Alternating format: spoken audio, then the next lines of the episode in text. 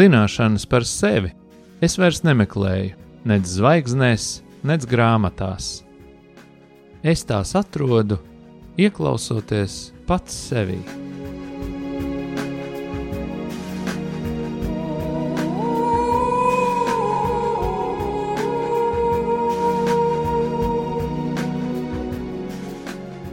Raidījums Mīlestības terapija top mīlestības mājai, sadarbojoties ar profesionālo pastorālās konsultēšanas asociāciju. Sarunas par sevi, dzīvi, psiholoģiju un dvēseles terapiju.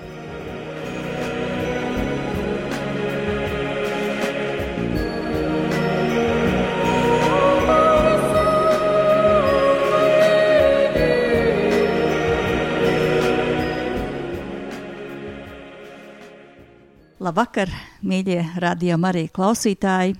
Šovakar, ceturtdienas vakarā, atkal kopā ar jums raidījums Mīlestības terapija. Šodien ļoti šarmanta tēma - vīrietis un viņa emocionalitāte. Un pie manis studijā ir divi tikpat šarmanti kungi, kas stādīsies tulīt priekšā. Jā, labvakar, mīļie klausītāji! Šeit atkal Gatis Līdums, ģimenes sistēmiskais psihoterapeits Jā, un labvakar, šeit Normons Grasmanis, viens no mīlestības mājas vadītājiem. Jā, man šķiet brīnišķīga tēma. Tiešām vīriešiem arī ir emocijas. Gan strādājot ar pāriem, gan arī nu, pašai personiskajā dzīvē. Var teikt tā, ka nu, sievietē jau viņas ir un viņa peld, un viņa runā, un cita prot ļoti labi izteikties par savām emocijām, cita kliedz un izkliedz emocijas, cita raud ļoti daudz, bet tās vienalga ir emocijas. Un tas piederās sievietei just, būt emocionālai, runāt par emocijām. Vīrietis tur blakus bieži vien jūtas kā kaut kā neveikli, kā lai to visu iztur, kur lai to visu liek un vispār, kur tad viņam ir tā vieta, un vai vispār viņš drīkst just un teikt kaut ko par to, kad arī viņš jūt. Jā, nu, tēma ir gana nopietna. Un par to, eh, domāju, tur vairākus vārdus es sadzirdēju. Nu, redzēs, ko Normons tur būs sadzirdējis, bet uh, es tur sadzirdēju vairākus vārdus, un viss uh, tāds jiftīgākais bija pēdējais, vai viņš vispār drīkst. Un iespējams, ka tā kā es to saredzu savā darbā, tad arī šeit tā atbilde slēpjas. Jo, manuprāt, ir ilgstoša tradīcija sabiedrībā, ka no vienas puses vīrietim tiek sacīts, jā, mēs gribam, lai tu jūti, un no otras puses viņam ļoti skaidri tiek novadīts vēstījums, tu nedrīksti just nekādā gadījumā. Jo, ja tu jutīsi, tad mēs ar tevi galā tiksim. Un es vienkārši pateikšu, kāda, kāpēc man šī sajūta ir radusies. Tāpēc, ka esot gan iekšā terapeitiskos procesos ar, ar saviem klientiem, es daudz arī strādāju ar pāriem, ar ģimenēm, tad, vai arī vienkārši skatoties, kas notiek sabiedrībā un, un publiskajā telpā, šobrīd arī ir iniciatīva tieši šomēnes kaut kāda Latvijas mēdīja Nezinu, cik daudzi viņu tēma šomēnes ir vardarbība, vardarbība pret sievieti, vardarbība pret bērnu. Un arī šajā kontekstā, bet ne tikai šajā, es tā pamanu, ka nav tāda līdzsvara šajā stāstā. Sabiedrībā trūkst līdzsvarota un, un, un labi teiksim, izsvērta attieksme pret vīrieti un viņa emocionalitāti. Jo, piemēram, ja, kā Ina teica, nu, sieviete kādreiz raud. Nu, loģiski, viņa kādreiz raud. Tātad šī sieviete ir vai nu nomākta, vai viņa ir bēdīga, nu, bet viņa ir forša sieviete, kur šodien raud. Kas notiek, ja raud vīrietis? Mēs ne, ne, neskatāmies uz viņu kā uz kungu, kurš ir mazliet nomākts, un šodien viņš vienkārši raud. Mēs varbūt eh, tā viņam paklapēsim pa plecu un teiksim, nu, vecais, saņemies, bet mēs nodomāsim, ka viņš ir droši vien mīkstais, ar kuru mēs īsti nevēlamies saistīties ilgtermiņā. Nu, laikam nē. Vai tas pats, ko, ko tu teici, nu, sieviete reizēm kliedz. Protams, ka viņa kliedz. Ļoti daudz sievietes auro, ļoti bieži. Un tad mēs sievietei, nu tā kā, nē, nu, sieviete ir forša meitene, nu viņa vienkārši šodien kliedz. Nu, varbūt tur ir kāds, nezinu, fizioloģisks iemesls vai, vai vēl kaut kāds iemesls. Viņš šodien ir tādā, nu, kliedzošā noskaņojumā. Pietiek vīrietim iepīkstēties, viņš momentā būs varmāk. Šis, šis varmācīgais vīrietis atļāvās pacelt balsi. Ja, tad ir kaut kā, es, es, protams, iekrāsoju ļoti spilgtām krāsām, bet šis līdzsvars trūkums ir ļoti klātesošs visu laiku un katra vīrieša dzīvē. Un, un, un vīrieši jau jūt šo dubulto standartu, ka, nu, kas atļauts vērsim, nav atļauts Jupiteram. Ja, kad sieviete var kliegt, viņa var raudāt, tas viss ir ok.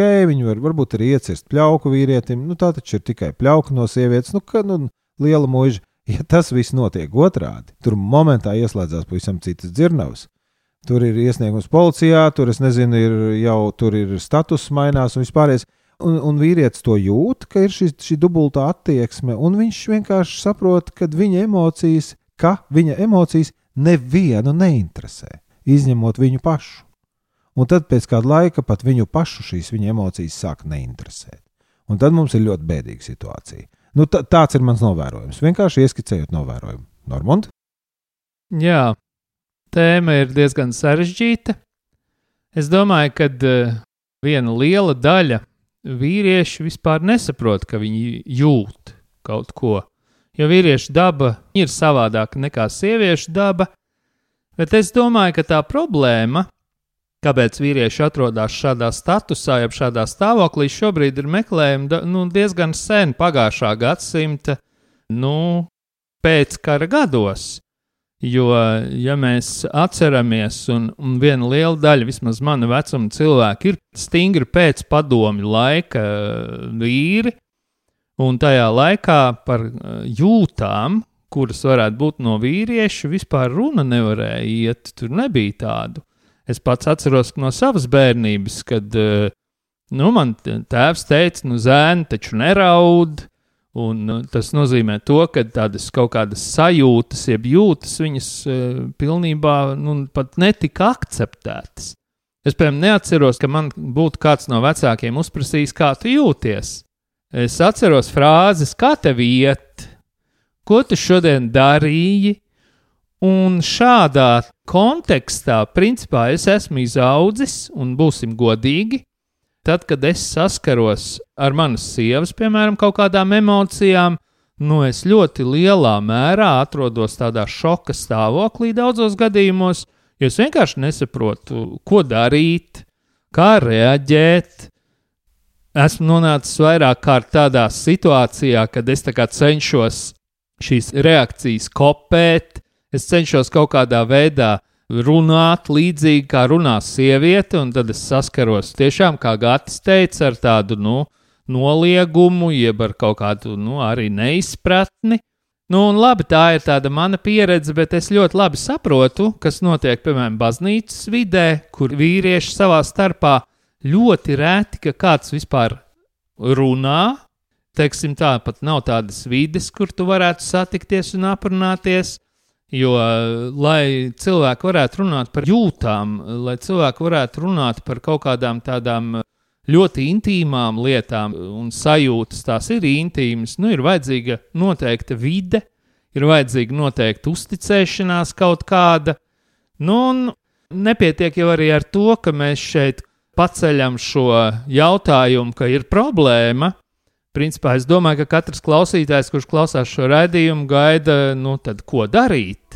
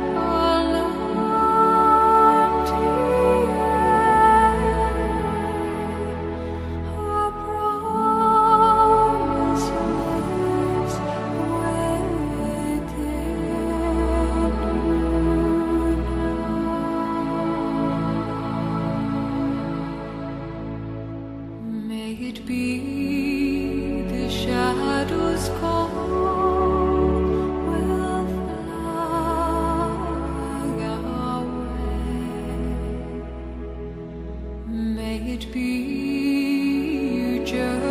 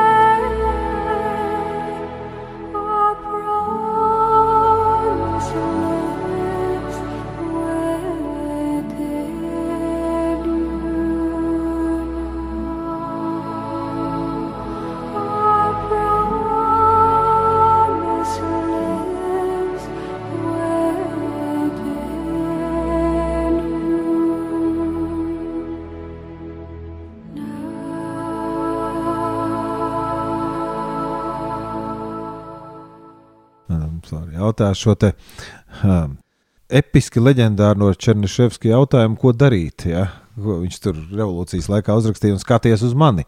Un uh, es tomēr gribētu atbildēt šo jautājumu terapeitiski. Divi komentāri un viena atbilde. Tātad komentāri man patīk klausīties tevī, jo starp citu, mīļie radio klausītāji, mēs ar Normundu neko aizkadrā neesam sarunājuši. Šī ir dzīva saruna, kur mēs nezinājām, ko, ko teiks otrs cilvēks. Un man patīk tas, ka tu arī iezīmēji to ārkārtīgo, nu tādu līdzsvaru trūkumu uztverē, ka it kā mums ir līdztiesība, bet tas, kas ir atļauts emocionālajās izpausmēs vienam, kaut kā negluži likumiskā kārtā, bet tomēr sadzīviski netiek pieļauts otram. Un tur tas apmulsums, tāda nelīdztiesība faktiski, kurā cieši vīrietis, jo viņam netiek īsti ļauts un dot šie instrumenti izpaust viņa emocijas, tādi kādi ir pieļaujami sievietei. Diemžēl tā ir. Bet otrs, kad saka, ko darīt, es domāju, ka mēs jau darām. Jo tā inerce, ko tu arī minēji, pēckara laiki, tur vīrieši neraud, puikas saņemās, puikas nokārto tā, nu tā tad līdz kaut kādam tam 91. otram gadam mēs to varam attaisnot ar padomu laikiem. Un, un tagad jau ir pagājuši 30 gadi. Mums vairs nav ar ko attaisnoties. Mums bija 30 gadi, lai kaut ko salabotu, izdarītu un pavērstu pozitīvā virzienā attiecībā uz vīriešu emocionalitāti. Mēs esam izdarījuši tieši pretējo. Mēs esam šo gravu vēl vairāk rakuši dziļāku, Tāpēc, kad ir ļoti labi un, un, un tehniski veiksmīgi un, un dažādā veidā apsveicami strādāts pie sievietes emocionalitātes un tā kā sieviete drīkst sev izteikt, un kā viņa var un kā viņai vajag, un, un tā tālāk. Un atkal tas ir noticis tādā noklusējuma līmenī uz vīriešu emocionalitātes rēķina. Tā, tā grava ir arvien dziļāka. Jo nu, mēs tagad it kā vārdos sakām, nu, puikas jau arī drīkst raudāt, bet tad, kad puika raud, mēs īstenībā nezinām, ko ar to darīt. Jo nav jau šī izpratne vai tradīcija. Nu, mēs ļaujam viņam raudāt, visi mīņ, mīņājās kaut kā bikli, kaut ko tur bakstās, un tad nu, nekas jau nenotiek. Vai arī reizēm notiek, kas ir ļoti pozitīvi, jo cik es zinu, mīlestības mājā te notiek. Un paldies Dievam, ka ir tāda vieta, un varbūt ir vēl kāda tāda vieta, bet tas ir ļoti maz. Tā proporcija ir absolūti nepietiekama, un tāpēc, kad tu saki, ko darīt, lai vispār sāktu mainīt proporciju kaut vai domāšanā, par to ir jārunā. Un, manuprāt, un man tāda ļoti liela pārliecība, ka par to ir jārunā ļoti, ļoti daudz, lai vispār iekustētos procesi attiecībā uz vīriešu emocionalitāti kaut nelielas līdztiesības vai līdzsvaru virzienā. Tā kā šī gadījumā un šī fāzē noteikti, ka runāšana ir arī darīšana. Taču būtu ļoti jauki, ja arī kāds jau kaut ko darītu uz priekšu, un arī tu minēji par baznīcu. Man likās ļoti interesanti, ka es, es, es aizstāvēšu baznīcu tomēr. Ja? Ir lielisks lietas, kas tur notiek. Bet vispār, teiksim, arī tas emocionālais, tāds, tā, tā, tā gultne vai tā vide baznīcā ir patiesībā ļoti sievišķīga. Nu, vīrietim tur īsti nav ko darīt. Es esmu dzirdējis, šur un tur šādas tādas baznīcas ir ar vīriešu grupām, kur un, un, un, un notiek kaut kas. Nesen, starp citu, man bija saruna ar vienu jaunu vīrieti, vakar, starp citu, kur viņš bija apmeklējis vīru grupas divās dažādās Rīgas kristiešu draugzēs. Ne, neminēšu konfesiju speciāli, lai nedodarītu nevienam pāri. Un viņš, viņš bija piedzīvojis smagu vilšanos, jo viņš bija gribējis sākt iet vienā vīru grupā, un abās šajās vīru grupās viņš teica, ka pirmkārt tur bezgalīgi ilgi stringšķināja ģitāru un dziedāja tādas nepārāk kvalitatīvas dziesmiņas, Un ka otrajā pusē vienkārši tā kā tādā sieviešu grupā visi tur pastāstīja labāko lietu, kas viņiem pagājušā nedēļā bija notikusi. Un, ka, un viņš bija tik ļoti vīlies, viņš teica, bet es gaidīju tās vīru lietas. Bet šī bija vienkārši tāda sociāla tāda pļāpāšana.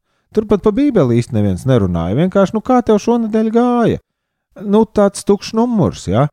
Tad, nu, par šo, nu, tad ko darīt? Nu, kāds jau kaut ko acīm redzot dara, Bet nu, gandrīz vai tā kā rakstos sacīts, ja tas skaitīsies tikai tad, ja tu to būsi darījis pareizi. Un tas, ko es jūtu gaisā, ir tāda rosība. Nu, mēs jūtam, ka ir slikti, mēs kaut ko gribam darīt, bet nevienam nav nekādas jēgas, ko vispār darīt. Nu, tāda rosīšanās ir, bet jēgas ir maz. Un tāpēc es domāju, par to ir jārunā, un ja mēs to esam sākuši, varbūt tas sāksies un aizies tālāk. Un tad no runāšanas mēs varbūt sapratīsim kvalitatīvas stratēģijas, ko darīt, jo, nu jā, Bet var jau būt, ka vīriešiem nemaz to nevajag, ka mēs te tādi ņemamies un kaut ko runājam, un varbūt viņiem tiešām nevajag, kad ir labi dzīvot tādā garīgi atpalikuša emocionāla celma līmenī, rīt krupjus, rīt asaras, izlikties, ka viss ir baigi forši, jo pasaulē jau tikai vajag vīrieti uzvarētāju, ne jau zaudētāju. Zaudētāji iet bojā. Ina, kā tev šķiet? Jā, tieši gribēju palūgt mikrofonu, jo es gribēju pajautāt Normundam, jo tas zinu, vienkārši zinu. Esmu sieva, daudz ko zinu.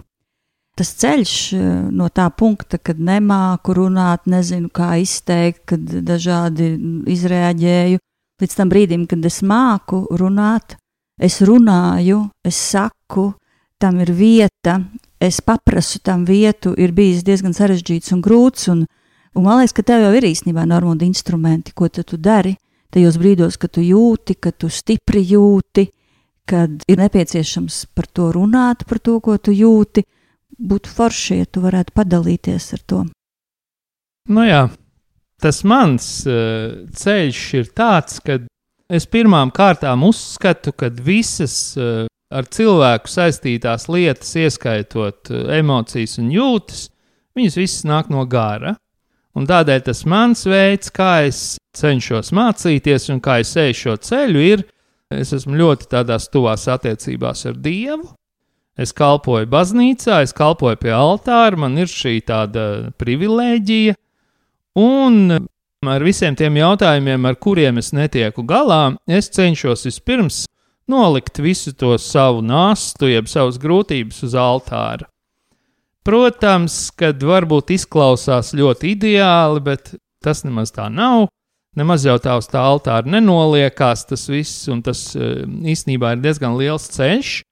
Bet kas attiecās par šīm emocionālajām lietām, emocionālajām problēmām, es esmu nonācis pie secinājuma, ka, ja ģimenē, nu, attiecībās vīrietim ar sievieti rodās kaut kāda grūtība, jeb kaut kāda emocionāla nesaskaņa, tad nu, pirmais un galvenais ir aiziet un iedzert augstu ūdeni, nomierināties un nestrēpt karstu, jo tāpēc, kad pēc pieredzes, jā, ir radusies problēma un tu viņu sāc uzreiz risināt, tad abi divi, gan vīrietis, gan sieviete, iekrīt bedrē, un iznākums ir diezgan nu, sāpīgs, teiksim tā.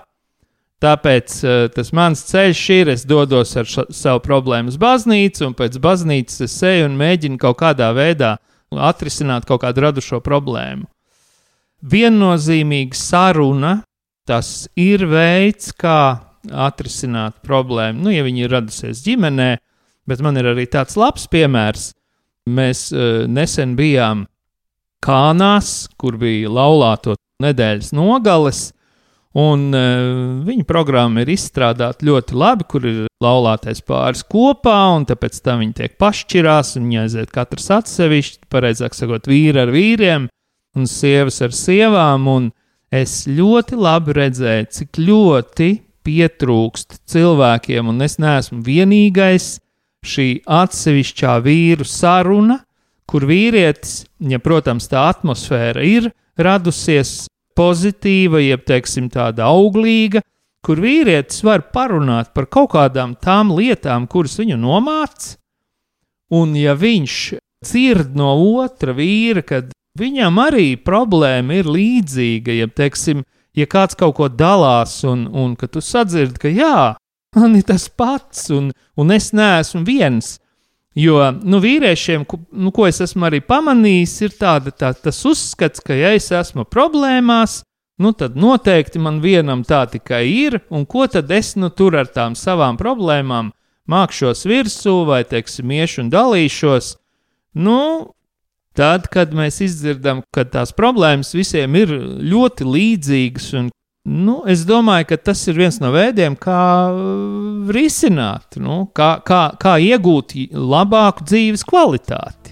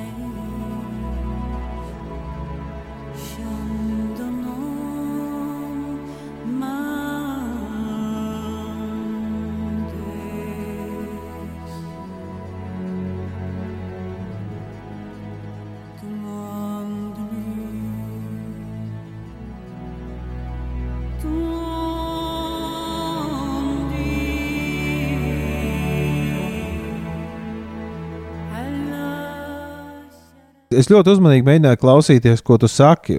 Es ceru, ka man izdevās. Varbūt arī man neizdevās. Bet tas, ko es sadzirdēju, bija tas, ka tu man ļoti priecē tas, ka tu par to runā, un manuprāt, pēc būtības. Bet tad, kad tu iesāk ar to, nu, ko tu dari, tad patiesībā abas tās lietas, ko tu pateici, iedzert augstu ūdeni, pirms kasīties pretī sievai, vai arī savu lielo sāpju aiznest vientulībā uz altāra nolikt, tās abas ir krupju rīšanas stratēģijas. Tu jau neko ar to nedari. Tu vienkārši iedzer ūdeni, ar kuru tu noskalot dziļāk to krupi, ko tu esi bijis atkal spiests norīt. Jo nekas jau nenotika. Atkal sieva vinnēja, atkal tu biji spiests dzert ūdeni un cerēt, ka viss nokārtosies, un to lielo sāpju aiznest un nolikt uz altāra. Un es nerunāju ironiski par to. Ja, ja šie ir tie lielākie instrumenti, kas ir vīriešu rīcībā, tad tas ir traģiski, jo tie ir ļoti niecīgi instrumenti.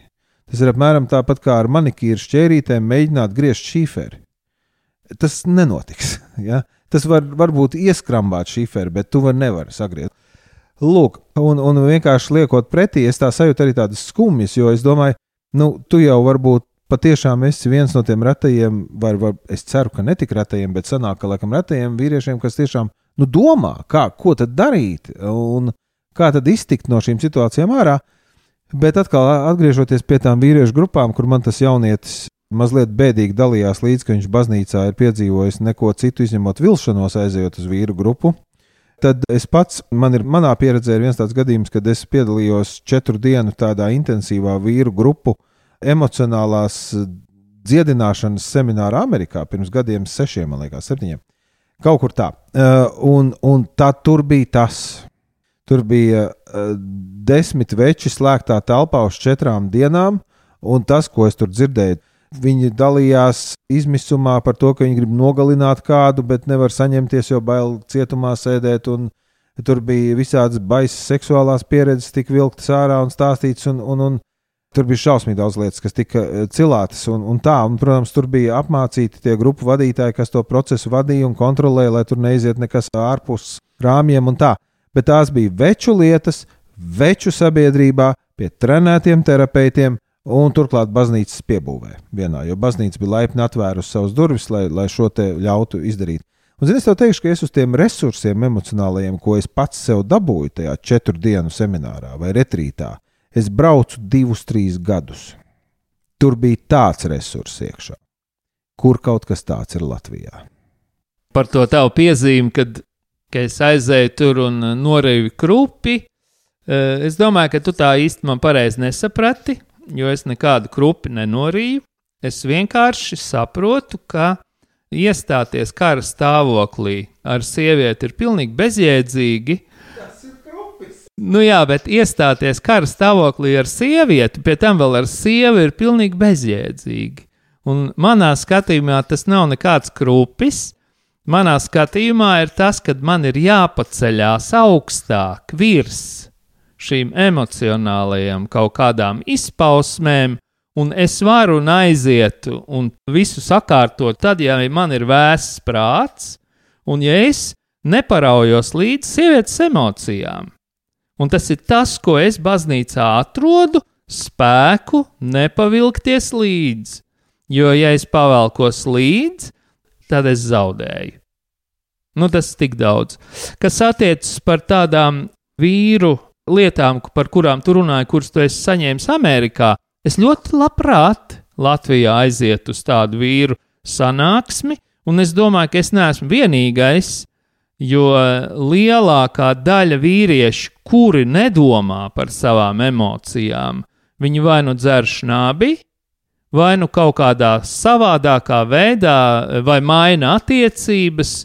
Katrā ziņā viņi ir eh, emocionāli nestabili.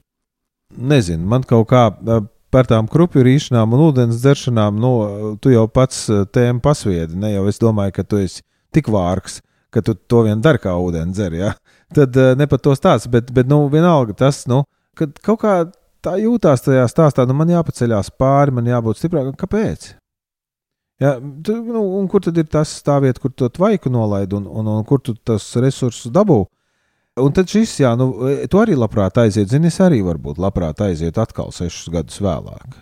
tā lieta ir tā, ka nav kur aiziet. Un, ja tu skaties, kā tie resursi, teiksim, ja mēs runājam vispār, nu, tagad, šobrīd, kā jau minēju, sākumā tas vardarbības mēnesis, tagad ir tēma tāda interesanta, tad, nu, kur tad tie resursi ies? Nu, kā, nu, bet loģiski viņi ies vardarbība pret sievieti, vardarbība pret bērnu. Trēkns punkts. Atkal vīrieši izkritīs no šīs aprites, kura runā par emocijām, par kaut kādu risinājumu rašanu, par kaut kādu saņemšanos, noturēšanos pretī kaut kam atkal vīrieši ir ārpus šīs sarunas. Vīrieši būs tie, kas ziedos šiem nolūkiem, ja, bet viņi paši nebūs pie saņemšanas nevienā brīdī, vai arī ļoti retos brīžos, lai Dievs dod. Un tātad, kur aiziet, nav kur aiziet. Tā ir atbilde. Vienlaikus man ir tā cerība un tas, tā, tas prieks, ka mēs šovakar par to runājam, jo, kā jau teicu, runāšana ir arī darīšana.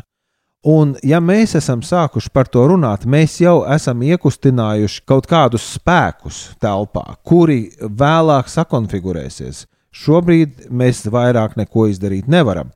Vienlaikus, ja kāds uzņemtos šādu iniciatīvu, tad es ļoti labprāt tur piedalītos, bet no otras puses man ir tā bažas, ka es atkal aiziešu uz kaut kādu pēcpusdienas tējas un pīrādziņu vakaru, kur būs telpā vīriešu dzimtes būtnes, bet tas nebūs vīru vakars. Tas būs pēcpusdienas tējas un pīrādziņu vakars, un manis pēc tam varētu sēdēt ne katrās dzimtes 50 cilvēki, un no tā labuma man nav nekāda. Jo vīru vakara, nu, tā kā nav. Bet mēs kustinām kaut ko, un, un es domāju, tā ir tā labā iniciatīva. Varbūt mēs līdz tam aizkustēsimies savas dzīves laikā. Cerams. Jā, un tagad iesim lūkšanā kā jau parasts šajā raidījumā.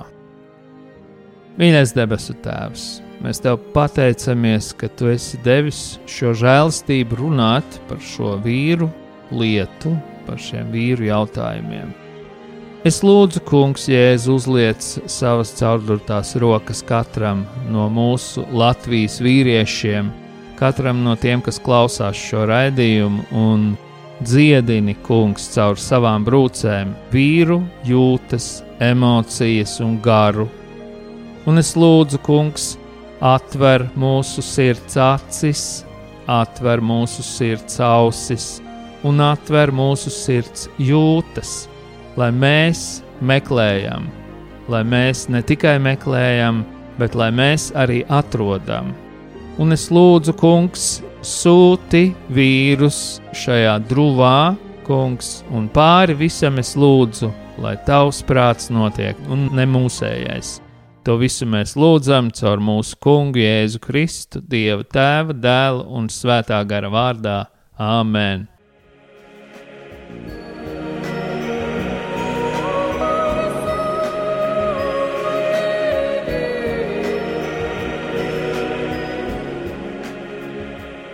Jūs klausījāties raidījumu mīlestības terapija. Raidījums var noklausīties Radio Marija mājaslapas arhīvā un YouTube kanālā Mīlestības māja.